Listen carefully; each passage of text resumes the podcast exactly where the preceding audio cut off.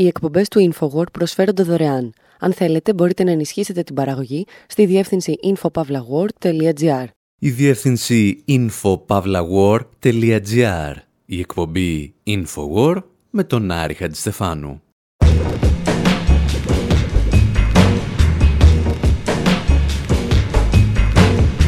Όπου σήμερα σας διδάσκουμε πώς να γράφετε προπαγανδιστικά κείμενα και να φτιάχνετε εκπομπές για το Μεσανατολικό που ορισμένοι θα αποκαλούσαν δημοσιογραφία.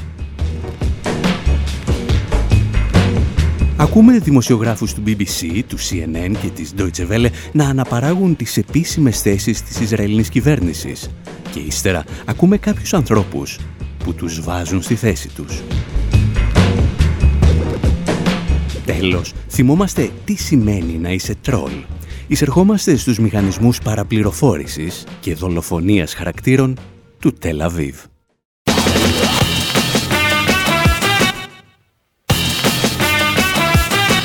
Whether long-range weapon or suicide bomb, a wicked mind is a weapon of mass destruction. Whether you're Solarway son or BBC One, misinformation is a weapon of mass destruction. You could have Caucasian or a poor Asian. Racism is a weapon of mass destruction. Whether inflation or globalization, fear is a weapon of mass destruction. My dad came into my room holding his hat. I knew he was leaving. He sat on my bed, told me some facts, son. I have for duty, calling on me. You and your sister be brave, my little soldier. And don't forget all I told you. You're the mister of the house now, remember this. And when you wake up in the morning, give your mama a kiss. Then I had to say goodbye. In the morning, woke mama with the kiss on each eyelid. Even though I'm only a kid, certain things can't be hid. Mama grabbed me, held me like I was made to go, but left her in the stories untold. I said, Mama, it'll be alright when Daddy comes home tonight. Whether long-range weapon or suicide bomb, a wicked mind is a weapon of mass destruction. Whether you're Solarway son or BBC One, misinformation is a weapon of mass destruction. You could have Caucasian or a poor Asian. Racism is a weapon of mass destruction. Whether inflation or globalization, fear is a weapon of mass destruction. Whether Halliburton, Enron or anyone greed is a weapon of mass destruction. We need to find courage. Overcome inaction is a weapon of mass destruction. Inaction is a weapon of mass destruction. Inaction is a weapon of mass destruction. Οι Faithless υποστηρίζουν πως είτε είσαι η σκανδαλοθυρική εφημερίδα Sun ή το BBC One, γνωρίζεις ότι η παραπληροφόρηση είναι ένα όπλο μαζικής καταστροφής. Και αρκετοί θυμήθηκαν αυτές τις εβδομάδες ότι το BBC μετατρέπεται σε όπλο μαζικής παραπληροφόρησης όταν ασχολείται με το Μεσανατολικό. Εδώ και ημέρες, παραδείγματος χάρη, αρνούνταν να πει τη φράση «Οι Ισραηλινοί σκότωσαν Παλαιστίνιους. 12 people, including 61 children, have died in Gaza. 12 people, including two children, have been killed in Israel. Όπως ακούσατε, οι Παλαιστίνοι απλώς πεθαίνουν, ενώ οι Ισραηλινοί σκοτώνονται. Η διαφορά ίσως ακούγεται ασήμαντη, αλλά αποτελεί επαναλαμβανόμενο μοτίβο στα διεθνή μέσα ενημέρωσης.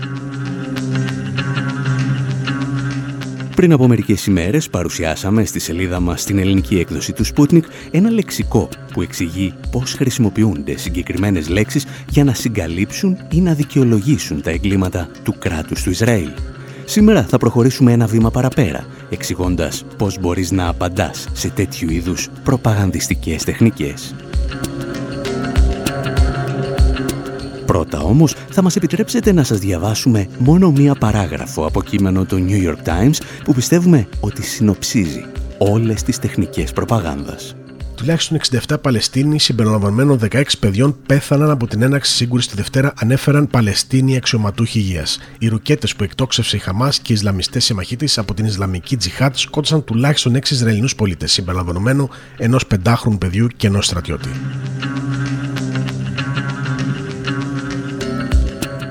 Ας εξετάσουμε τώρα κάθε φράση ξεχωριστά.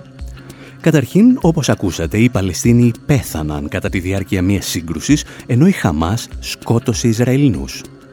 Εδώ η λέξη σύγκρουση υπονοεί την αντιπαράθεση δύο ισότιμων δυνάμεων.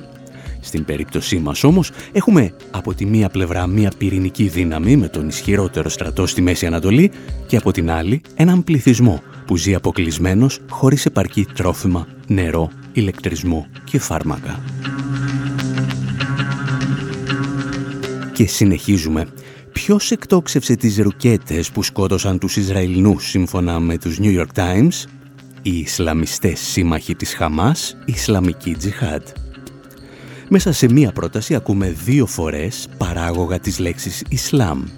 Μια λέξη την οποία οι δυτικοί δημοσιογράφοι έχουν φροντίσει εδώ και δεκαετίες να συνδέσουν με την τρομοκρατία. Θα έπρεπε μήπως να γίνει για λόγους ισορροπίας αναφορά στο εβραϊκό κράτος του Ισραήλ; Η δική μας απάντηση είναι κατηγορηματικά όχι. Γιατί το ζήτημα δεν είναι θρησκευτικό, είναι εθνικό-απελευθερωτικό. Το Ισραήλ βέβαια επιδιώκει να αναφέρεται σαν εβραϊκό κράτος και ψηφίζει νόμους που αφορούν αποκλειστικά τους Εβραίους κατοίκους. Όταν όμως έχουμε δολοφονίες αμάχων, ο κόσμος πρέπει να ακούει μόνο μία λέξη. Ισλάμ. Το κείμενο όμως έχει και καλύτερα. Όπως ακούσατε πέθαναν 16 παιδιά Παλαιστινίων και ένα παιδί Ισραηλινών. Για τα παιδιά των Παλαιστινίων δεν μαθαίνουμε τίποτα περισσότερο, ενώ για το παιδί των Ισραηλινών μαθαίνουμε ότι ήταν μόλις 5 ετών. Ανάμεσα στα παιδιά των Παλαιστινίων υπήρχαν βέβαια και βρέφη. Αλλά αυτό εσείς δεν θα το μαθαίνατε ποτέ εάν διαβάζατε μόνο τους New York Times. Η καλύτερη φράση όμως στο κείμενο είναι η τελευταία ο δημοσιογράφος καταλήγει ότι οι Ισλαμιστές Παλαιστίνοι σκότωσαν έξι Ισραηλινούς πολίτες, μεταξύ των οποίων και έναν στρατιώτη. Κάτι σαν να λέμε σκότωσαν τέσσερις άντρες, μεταξύ των οποίων και μία γυναίκα. Ή αγοράσαμε τέσσερα μπλουζάκια, μεταξύ των οποίων και ένα φόρεμα. Ή πιο απλά, διαβάσαμε τα κείμενα τριών δημοσιογράφων, μεταξύ των οποίων και του Patrick Kingsley, το New York Times. Όλοι ξέρουμε όμως ότι οι στρατιώτες δεν μπορεί να είναι ταυτόχρονα και πολίτες. Οι άντρες δεν είναι γυναίκες, τα φορέματα δεν είναι μπλουζάκια και ο Πάτρικ Κίνσλεϊ δεν είναι δημοσιογράφος.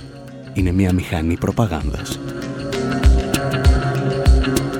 Εσείς, παρόλα αυτά, μένετε εδώ, γιατί ύστερα από λίγο επιστρέφουμε για να δούμε ορισμένες υποδειγματικές απαντήσεις σε τέτοιου είδους επιχείρηματα.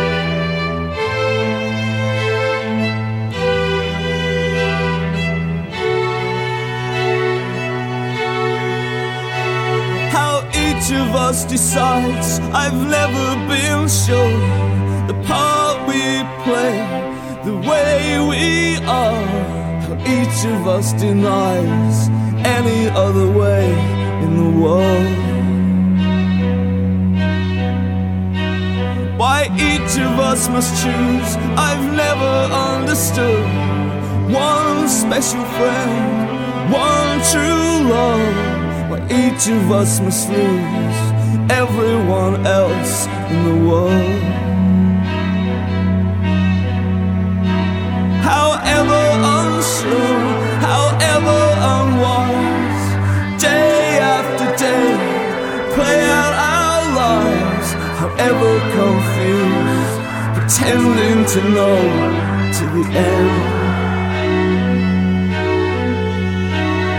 But this isn't true, isn't right, this isn't love, this isn't life, this isn't real, this is a lie.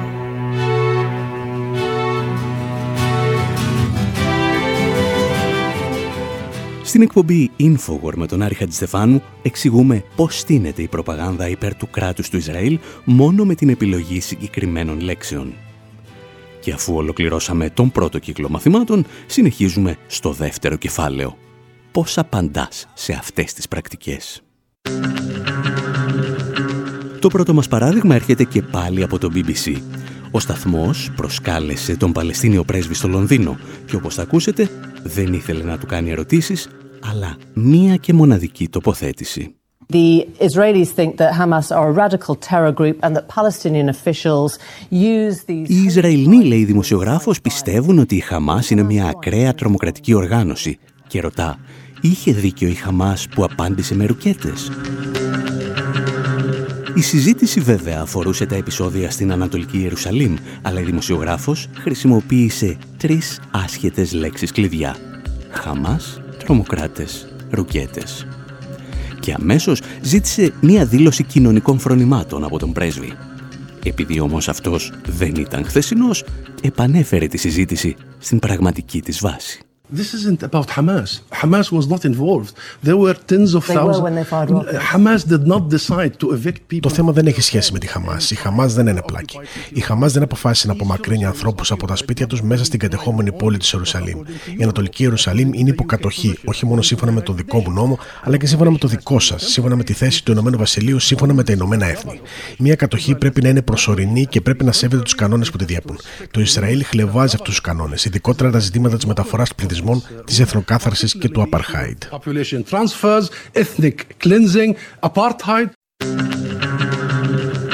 Η δημοσιογράφος του BBC βέβαια δεν παραδίδει τα όπλα και επιστρέφει με μια δεύτερη τοποθέτηση, την οποία παρουσιάζει σαν ερώτηση.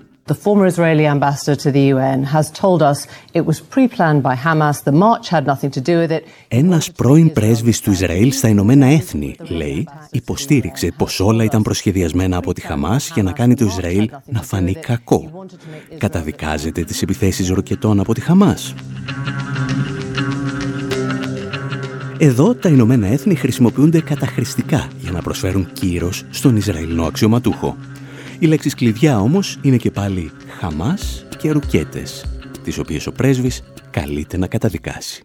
I condemn Israeli aggression. I mourn for the 20 people who were murdered in Gaza only tonight. Nine of them are children. Καταδικάζω την Ισραηλινή επιθετικότητα. Θρυνώ για τους 20 ανθρώπους που δολοφονήθηκαν στη Γάζα μονάχα απόψε, 9 από τους οποίους ήταν παιδιά. Δεν έχω υπόψη μου κάποιον Ισραηλινό που σκοτώθηκε και με ρωτάτε για τη βία και τις καταδίκες.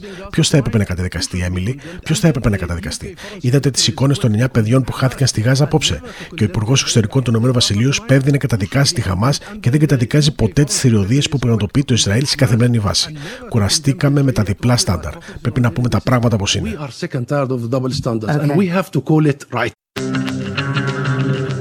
Η δημοσιογράφος του BBC στο σημείο αυτό βλέπει τις τοποθετήσεις της, τις οποίες παρουσιάζει σαν ερωτήσεις, να πέφτουν στο κενό.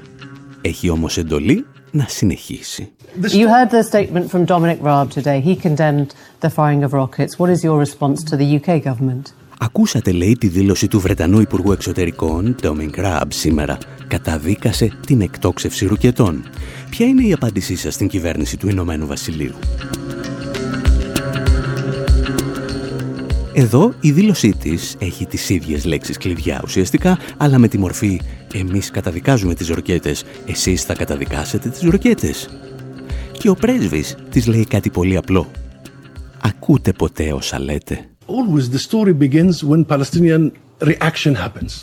As if it started with Hamas. Look at your question. Η ιστορία πάντα ξεκινά όταν αντιδρούν οι Παλαιστίνοι. Λες και ξεκίνησε η Χαμάς στις συγκρούσεις. Ακούστε την ερώτησή σας. Η ερώτησή σας αφορά τη Χαμάς, τις ζουρκέτε και ξανά τις ζουρκέτε. Ξεκινά με την αντίδραση των Παλαιστίνιων με το σύμπτωμα της ασθένειας. Δεν ασχολείται με την ίδια την ασθένεια. Η ασθένεια είναι αυτό το κράτος, το Ισραήλ, το κράτος κατακτητής.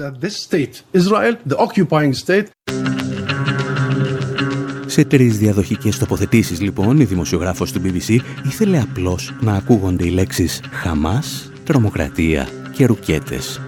Θεωρητικά το πέτυχε. Πρακτικά εξευτελίστηκε μπροστά σε ένα διεθνές ακροατήριο.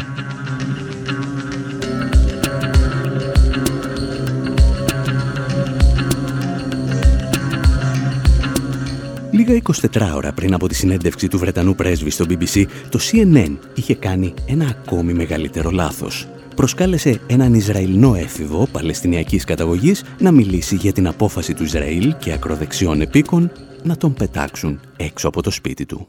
Thank you very much uh, for joining us. You grew up uh, in, in the neighborhood. Your family home is slated for eviction. What is the scene right now? Ευχαριστούμε πολύ που είστε μαζί μας, του λέει. Μεγαλώσατε στη γειτονιά του Σέιχ Τσαρά και στο οικογενειακό σας σπίτι θα πραγματοποιηθεί έξωση. Ποια είναι η κατάσταση αυτή τη στιγμή; Εδώ η δημοσιογράφος ακούγεται φιλική, αλλά χρησιμοποιεί τη λέξη κλειδί έξωση. Παρουσιάζει δηλαδή όσα συνέβησαν στην Ανατολική Ιερουσαλήμ σαν μια ιδιοκτησιακή διαφορά για ένα σπίτι. Έχει μπλέξει όμως με τον λάθος άνθρωπο. To start, it's not really an eviction. It's forced ethnic di displacement, to be accurate, because an eviction implies legal authority.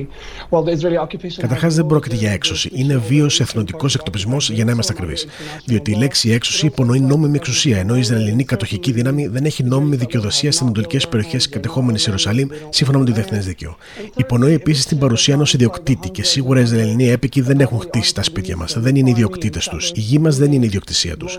Τρίτον, η λέξη έξωση αποκρύπτει τους εκατοντάδες βαριά απειλισμένου αστυνομικούς, στρατιώτες και έπικους που συνεργάζονται να τεινάζουν τις πόρτες σου, πετούν τα παιδιά σου από τα παράθυρα και χρησιμοποιούν βία για να σε πετάξουν έξω στον δρόμο. Σου επιτίθονται και ύστερα σε λαμβάνουν αν αντισταθείς. Η λέξη έξωση αποκρύπτει τις χειροβοβίδες, αποκρύπτει τις πλαστικές σφαίρες. Δεν είναι έξωση. Σύμφωνα με τα Ηνωμένα Έθνη και αναρρύθμιτου πολιτικούς και οργανώσεις ανθρώπινων δικαιωμάτων, θα μπορούσε να ισοδυναμεί με έγκλημα πολέμου.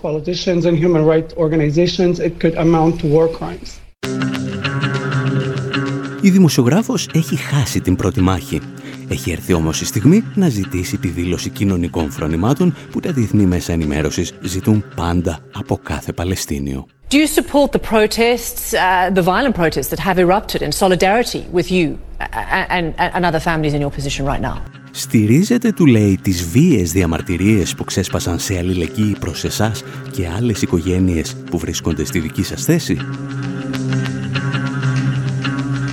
Εδώ ο νεαρός απαντά με μια δική του ερώτηση. Και εμείς θα σας αφήσουμε να ακούσετε αυτούσια τη στοιχομηθεία για εκείνα τα μαρτυρικά πέντε δευτερόλεπτα, όπου η δημοσιογράφος χάνει το έδαφος κάτω από τα πόδια της. Do you support um, the violent dispossession of me and my family? I'm just asking if you support the protests that are taking place in support of, of, of your family. I support, I support popular um, protests taking place against ethnic cleansing, yes. Ο νεαρός με την ερώτησή του ουσιαστικά ζητά να επαναδιατυπωθεί η προβοκατόρικη ερώτηση που του είχε τεθεί.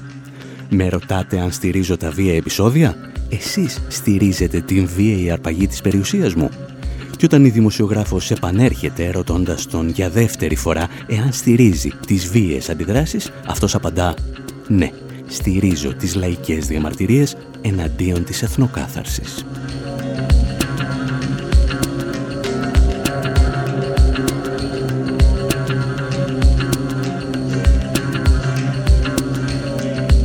Και κάπου εδώ φτάνουμε στο τρίτο και τελευταίο τηλεοπτικό παράδειγμα με τον εξαιρετικό αναλυτή Αλία Μπουνιμάχ να βρίσκεται καλεσμένος στο στούντιο της Deutsche Welle. Are we close to a pain threshold for either side? I mean, what has to happen that both sides say enough is enough? Ο δημοσιογράφος τον ρωτά εάν έχουμε φτάσει στο όριο του πόνου που μπορεί να ανεχθεί οποιαδήποτε από τις δύο πλευρές τι πρέπει να συμβεί, λέει, ώστε και οι δύο πλευρές να πούν «φτάνει, αρκετά». Και σε αυτή την περίπτωση ο Αλία Μπουνιμάχ απαντά ανατρέποντας την ερώτηση, η οποία στην πραγματικότητα ήταν τοποθέτηση. Well, we can't talk about both sides as if they're equal. Uh, the side that is in control here is Δεν μπορούμε να μιλάμε για δύο πλευρές σαν να είναι Η πλευρά που έχει τον έλεγχο εδώ είναι ο κατακτητής, το Ισραήλ, που έχει εξαιρετικά μεγαλύτερη δύναμη από τους Παλαιστίνιους. Νόμιζε ότι μπορούσε να εκτελέσει το σχέδιο εθνοκάθαρση στην Ιερουσαλήμ, να εισβάλλει στο τέμενος Αλ Άξα, να επιτεθεί σε προσκυνητές κατά τη διάρκεια των προσευχών του Ραμαζανίου και πως όλοι θα παρέμεναν σιωπηλοί.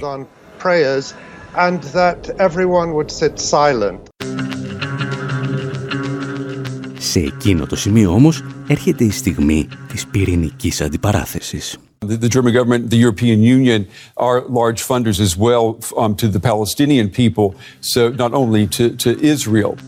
Η γερμανική κυβέρνηση και η Ευρωπαϊκή Ένωση, λέει ο δημοσιογράφος της Deutsche Welle, είναι μεγάλοι χρηματοδότες των Παλαιστινίων, όχι μόνο του Ισραήλ. But they don't supply weapons. They don't supply weapons to the Palestinian people.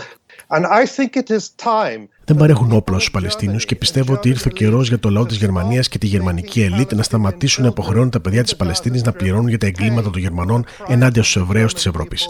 Οι Παλαιστίνοι κουράστηκαν να πληρώνουν το τίμημα για τις ένοχες γερμανικές συνειδήσει. Η ματοχυσία, το αίμα που στάζει στη Γάζα και στο Ισραήλ δεν είναι μονάχα στα χέρια αυτών που εκτοξεύουν πυράβλους ή ρίχνουν βόμβες, αλλά είναι επίσης στα χέρια της γερμανικής κυβέρνησης που οπλίζει αυτό το κατοχικό καθεστώς του Απαρχάιτ.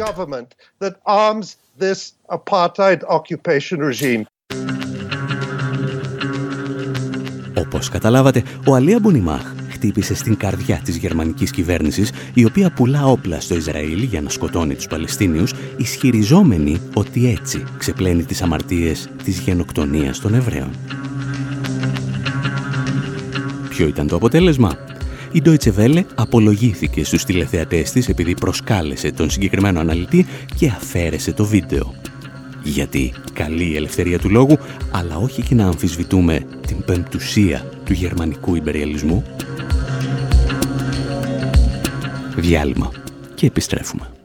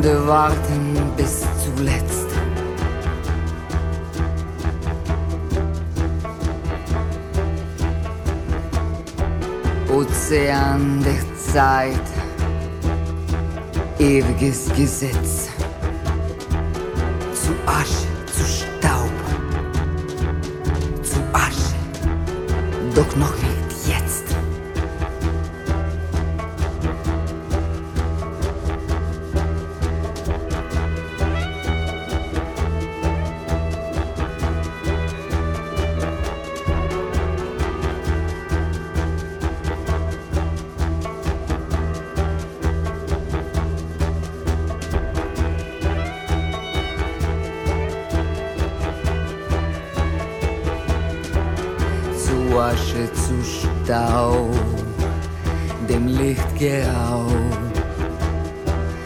doch noch nicht jetzt. Runde warten, doch noch nicht jetzt. Runde warten bis zuletzt.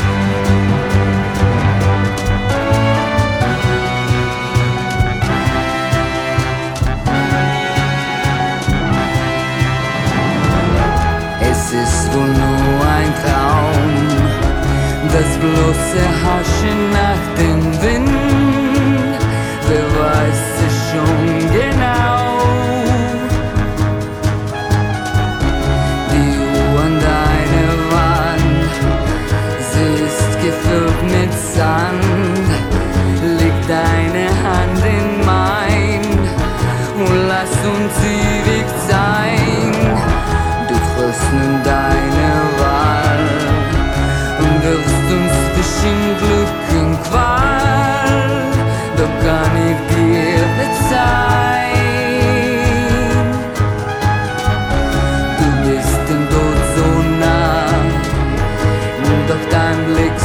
lá.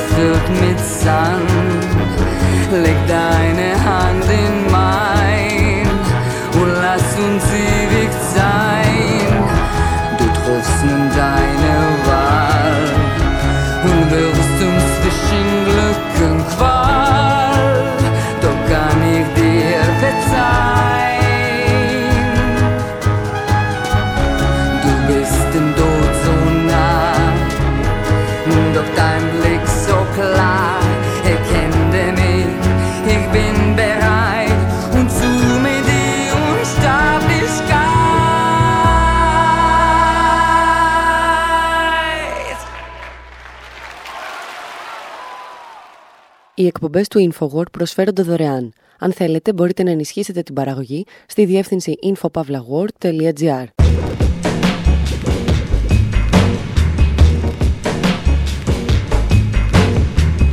Εκπομπή InfoWord, μέρος δεύτερο.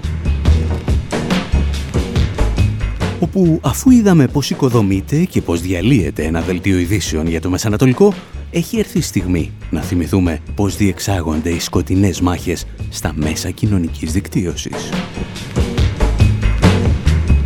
Θυμόμαστε τις ημέρες πριν από μερικά χρόνια που είχαμε μετατραπεί σε τρόλ του Ισραήλ για να διαπιστώσουμε από πρώτο χέρι πώς λειτουργούν οι μηχανισμοί δολοφονίας χαρακτήρων εναντίον όσων ασκούν κριτική στο Τελαβίβ.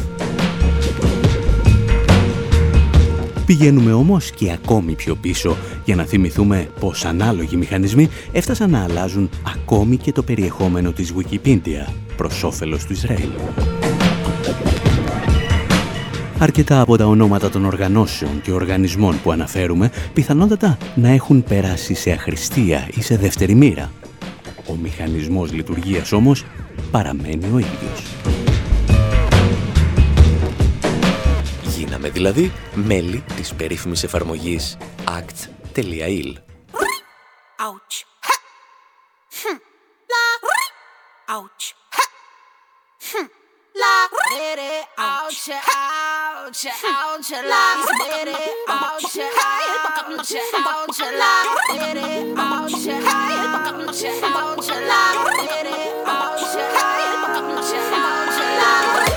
Look at me, I'm a beautiful creature. I don't care about your modern time preacher. Welcome, boys, too much noise, I will teach ya. Pum pum po, pum pum po. Hey, I think you forgot how to play. My teddy bear's running away. The Barbie got something to say. Hey, hey, hey, hey. My summer says leave me alone. I'm taking my Pikachu home. You're stupid just like you're smart.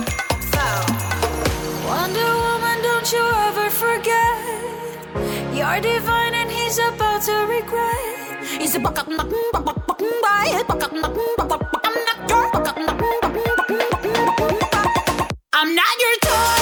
Not your toy. You stupid boy.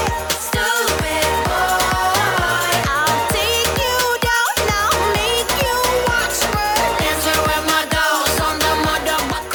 Η κυρία που ακούτε είναι η διαβόητη κατά την άποψή μας Νέτα η νικήτρια του διαγωνισμού της Eurovision. Η ζωντανή απόδειξη, πάλι κατά την ταπεινή μας άποψη, του πόσο εύκολο είναι να κρύψεις μια εθνοκάθαρση πίσω από τα περίφημα gender politics και την επικίνδυνη άποψη ότι η τέχνη δεν συνδέεται αναγκαστικά με την πολιτική. Τη συγκεκριμένη κυρία όμως θα την χρειαστούμε σε λίγο, γιατί τώρα πρέπει να πιάσουμε το κινητό μας.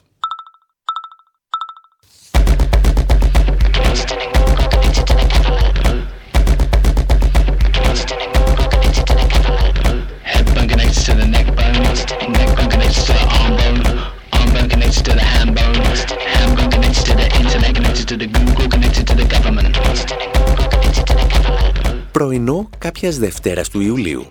Ξυπνάω από μια ειδοποίηση στο κινητό μου.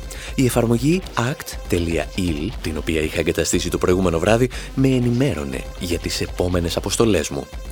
Μεταξύ άλλων, έπρεπε να επισκεφθώ τη σελίδα της Huffington Post στο Facebook και να σχολιάσω ένα κείμενο για τον ηγέτη των Βρετανών εργατικών, Jeremy Corbyn. Συγκεκριμένα η εφαρμογή με ενημέρωνε με ψευδή στοιχεία ότι ο Τζέρεμι Κόρμπιν είχε κάνει αντισημιτικές δηλώσεις στο παρελθόν και με καλούσε γι' αυτό να κάνω like σε ένα σχόλιο μιας κοπέλας που κατηγορούσε το κόμμα των εργατικών. Γιατί, αν δεν προσέξατε, ο Τζέρεμι Κόρμπιν δέχθηκε μία από τις πιο βρώμικες επιθέσεις δολοφονίας χαρακτήρων της πρόσφατης ιστορίας. Η πολιτική του αντίπαλοι αλλά και η Ισραηλινή κυβέρνηση θέλησαν να τον στιγματίσουν σαν αντισημίτη. Και το μόνο στοιχείο που είχαν στη διάθεσή τους ήταν ότι εδώ και χρόνια ασκεί κριτική στα εγκλήματα του κράτους του Ισραήλ. Ο Κόρμπιν δηλαδή έκανε απλώς ό,τι κάνει κάθε αριστερό κόμμα που σέβεται τον εαυτό του, την ιστορία του και μερικές θεμελιώδεις αρχές και αποφάσεις του Οργανισμού Ηνωμένων Εθνών. Για να μην ξεφεύγουμε όμως από την ιστορία μας, είμαι στο σημείο όπου μια εφαρμογή κινητού με καλεί να κάνω like σε ένα σχόλιο μιας νεαρής Ισραηλινής που επιτίθεται στον Τζέρεμι Κόρμπιν. Όλος τυχαίως η φωτογραφία που έχει η νεαρά στο προφίλ της στο facebook την δείχνει ξαπλωμένη πάνω σε ένα άρμα μάχης του Ισραηλινού στρατού. Για τις επόμενες ημέρες δεχόμουν τουλάχιστον ένα ή δύο μηνύματα την ημέρα που με καλούσαν να κάνω report σε σελίδες του Facebook και λογαριασμούς του Twitter που υποστήριζαν την αντίσταση στην Ισραηλινή κατοχή. Σε άλλες περιπτώσεις έπρεπε να ασκήσω κριτική σε δημοσιογράφους και μέσα ενημέρωσης τα οποία δεν αναπαρήγαν αυτό λεξί τις θέσεις της Ισραηλινής κυβέρνησης. Στην μία εβδομάδα όμως που λειτουργήσα σαν τρόλ, κλήθηκα επίσης να υποστηρίξω ακόμη και την ΕΤΑ, την νικήτρια της Eurovision, την οποία νέτα ο Νετανιάχου χρησιμοποιεί σαν πολιορκητικό κρυό για να προβάλλει διεθνώς την Ιερουσαλήμ σαν πρωτεύουσα του Ισραήλ.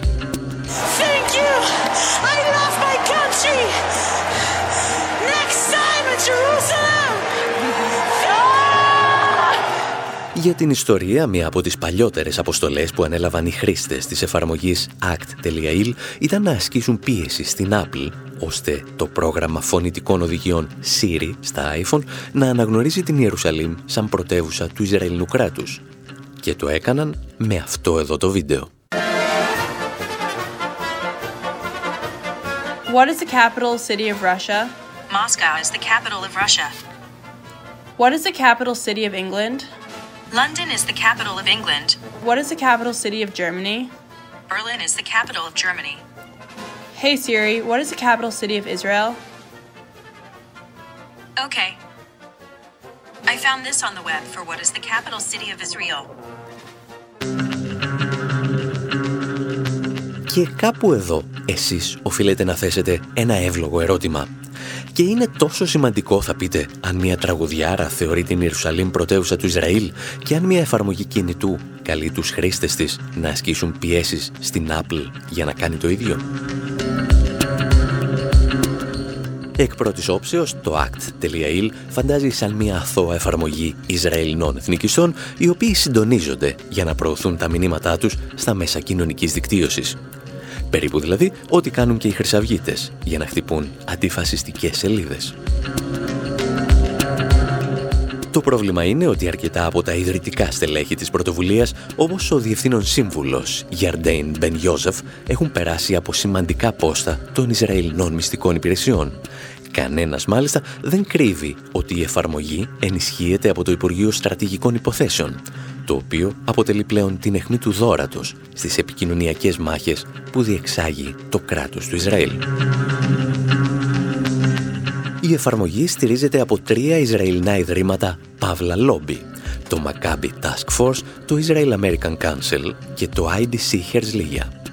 Τα ιδρύματα αυτά με τη σειρά τους χρηματοδοτούνται από τον Ισραηλινό βαρόνο των καζίνο Σέλντον Άντελσον, ο οποίος τυχαίνει να είναι και στενός συνεργάτης και χορηγός του Ντόναλτ Τραμπ και του Μπέντσεμιν Νετανιάχου. Ένας από τους βασικούς στόχους της εφαρμογής είναι να επηρεάζει τους αλγόριθμους των μέσων κοινωνικής δικτύωσης όπως το Facebook και μηχανών αναζήτησης όπως η Google. Έτσι, ώστε τα φιλοϊσραηλινά μηνύματα να παρουσιάζονται πρώτα στα σχόλια και στις λίστες των αναζητήσεων. Άλλες φορές, οι ομαδικές επιθέσεις έχουν στόχο να αναγκάσουν το Facebook και το Twitter να κλείσουν λογαριασμούς Παλαιστινίων, αλλά και ομάδων που καταγγέλουν εγκλήματα του Ισραήλ.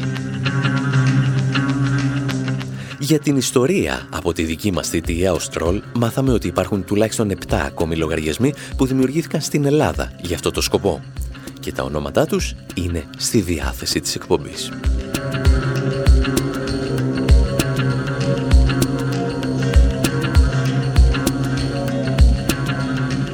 Η εφαρμογή όμως του act.il είναι ίσως η πιο αθώα μέθοδος που χρησιμοποιεί το Ισραήλ για να παρεμβαίνει στο διάλογο που πραγματοποιείται στο διαδίκτυο και να τιμωρεί όσους ασκούν κριτική στην κρατική πολιτική του.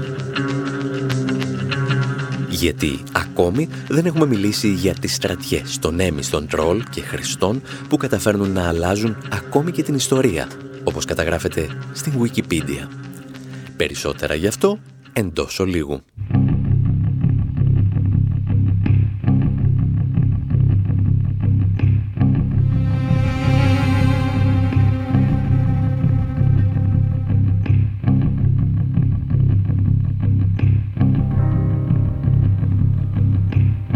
Took your measurements from your toes to the top of your head. Yeah, you know.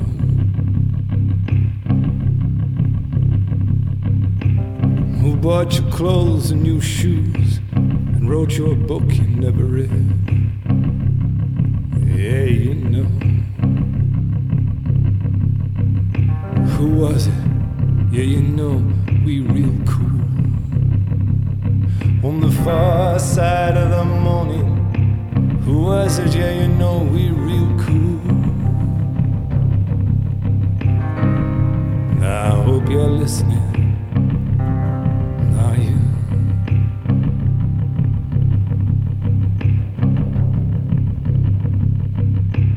Who was it you called the good shepherd? Rounding up the kids for their meal. Who chased your shadow running up behind? Clinging to your high flying heels. High flying, high flying, high flying heels. Who was it?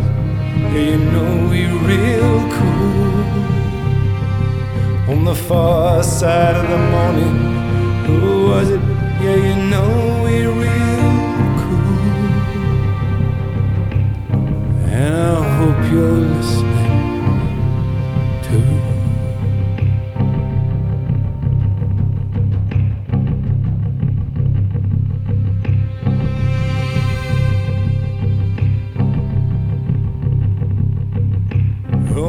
The distance from the planets right down to your big blue spinning world. And heartbeats and tears and nervous laughter spilling down all over you, girl. Who was it? Yeah, you know, real cool. And the world keeps on turning. Who was it? Yeah, you know, we real and I hope you're listening.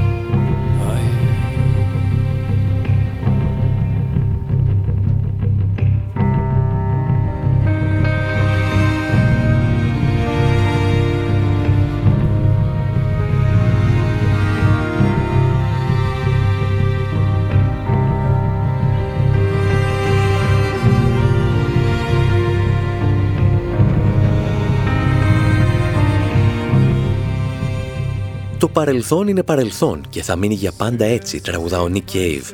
Και η Wikipedia συνεχίζει, είναι ο παράδεισος όταν δεν θέλεις πια να θυμάσαι.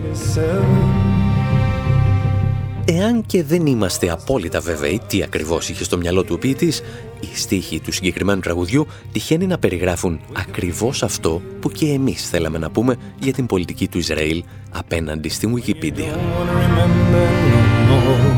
Είναι εκείνη η στιγμή που κάποιοι θέλουν να ξεχάσουν το παρελθόν τους και η συγκεκριμένη ηλεκτρονική εγκυκλοπαίδεια είναι το καλύτερο εργαλείο που έχουν στη διάθεσή τους για να το πετύχουν.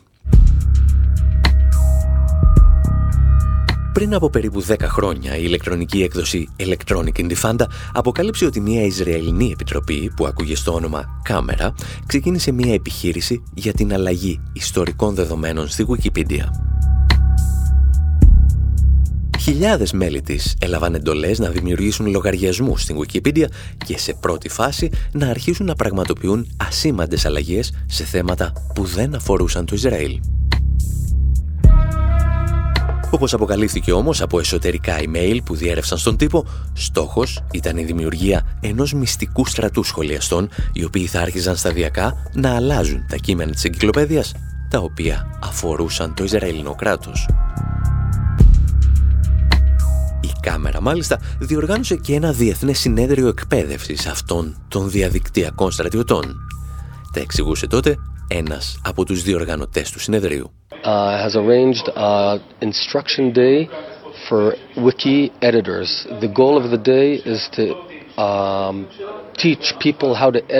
Διοργανώσαμε μία ημέρα εκμάθησης για αρθογράφους της Wikipedia. Στόχος είναι να μάθουν στους ανθρώπους πώς να επιμελούνται κείμενα της Wikipedia, η οποία αποτελεί πλέον την υπαριθμόν ένα πηγή πληροφοριών σε όλο τον κόσμο.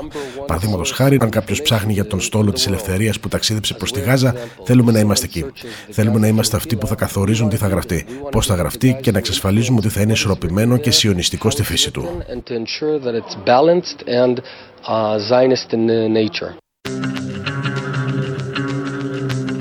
Το τι ακριβώς είναι σιωνιστικό στη φύση του μπορεί ο καθένας να το καταλάβει.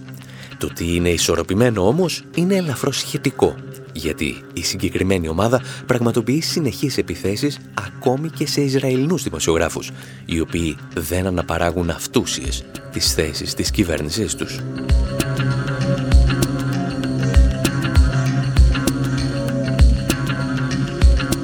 Εμείς πάλι συνεχίζουμε να εξετάζουμε γιατί κάθε φορά που κάποιος ασκεί κριτική στο Ισραήλ βρίσκεται αντιμέτωπος με στρατιές σχολιαστών που προωθούν τις επίσημες θέσεις του Ισραηλινού κράτους. Και μέχρι στιγμής έχουμε εξήσει απλώς την επιφάνεια. Περισσότερα σε λιγάκι.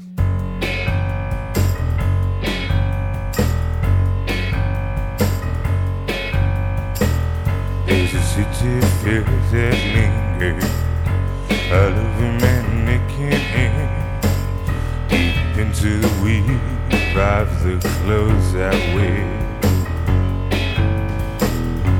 And if the step brings another, every eye that's a mark till I'm on the other side and on your door. Are the taps running, darling? Is the air thick with steam? Can I find some place to cry these tears of shame? And a step brings another, every hour it's a more, till I'm on the other side, leaning on your door. There's a smell so sweet it's sickly it follows me into the room,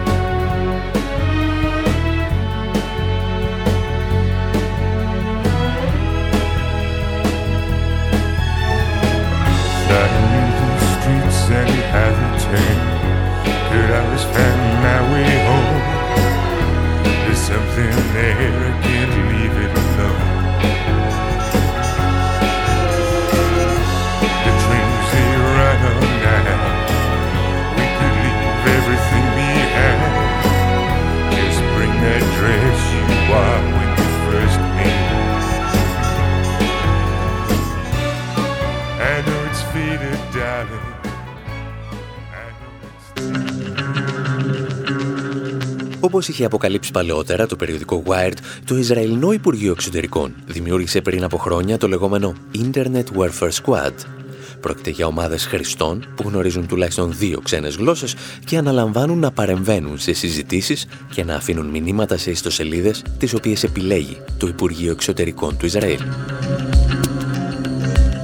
Ο αρχικός προϋπολογισμός για τις συγκεκριμένες ομάδες κειμενόταν στα 150.000 ευρώ, αλλά είναι σχεδόν βέβαιο ότι έκτοτε αυξήθηκε αισθητά.